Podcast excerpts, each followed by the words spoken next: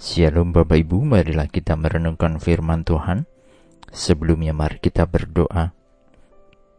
Tuhan kami hendak merenungkan firman-Mu, Roh Kudus pimpinlah kami. Di dalam Tuhan Yesus, kami berdoa. Amin.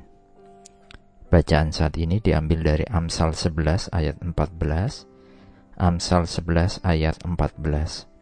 Jika tidak ada pimpinan, sebuah bangsa jatuh tetapi jika ada banyak penasihat, keselamatan ada di sana. Di dalam kehidupan ini, terkadang suatu keputusan tidak bisa kita tentukan sendiri. Kita membutuhkan nasihat dan masukan dari orang lain.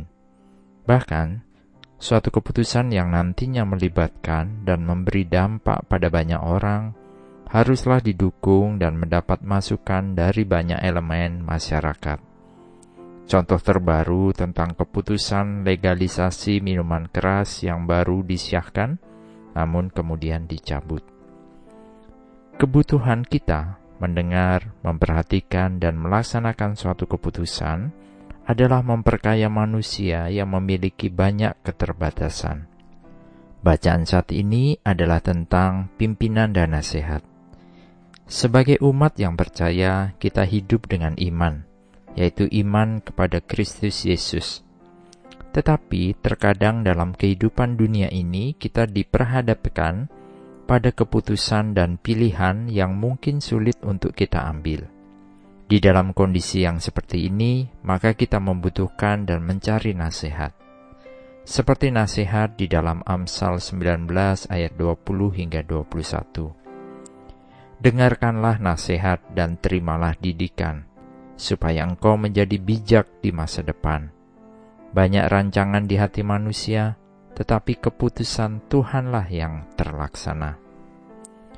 Manusia memiliki banyak rancangan-rancangan di dalam kehidupannya, namun terkadang tidak semuanya menjanjikan hal baik. Oleh karenanya, dalam Amsal ini kita diundang untuk mendengarkan nasihat dan didikan. Nasihat dan didikan memberi kita pimpinan untuk masa depan. Lalu bagaimana kita mendapatkan nasihat dan didikan? Di dalam Amsal 19, kita diminta untuk mendengarkan nasihat dan didikan. Artinya, mendengar itu membutuhkan proses. Masuk dari telinga kita ke dalam hati dan pikiran kita untuk kita proses dan olah.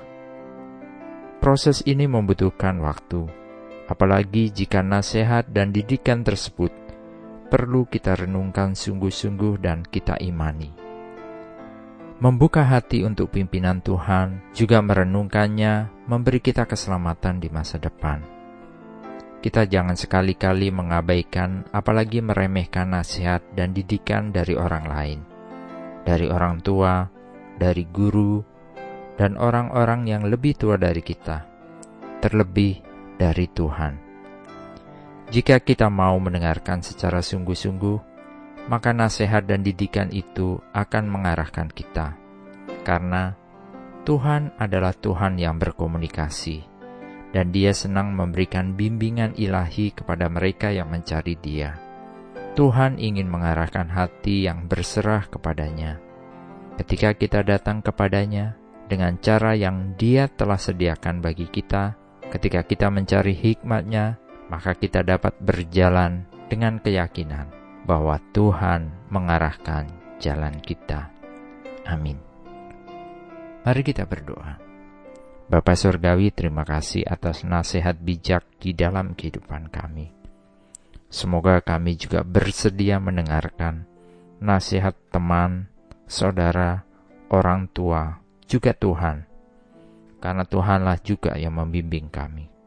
Inilah doa kami, di dalam Tuhan Yesus kami berdoa. Amin. Tuhan Yesus memberkati. Shalom.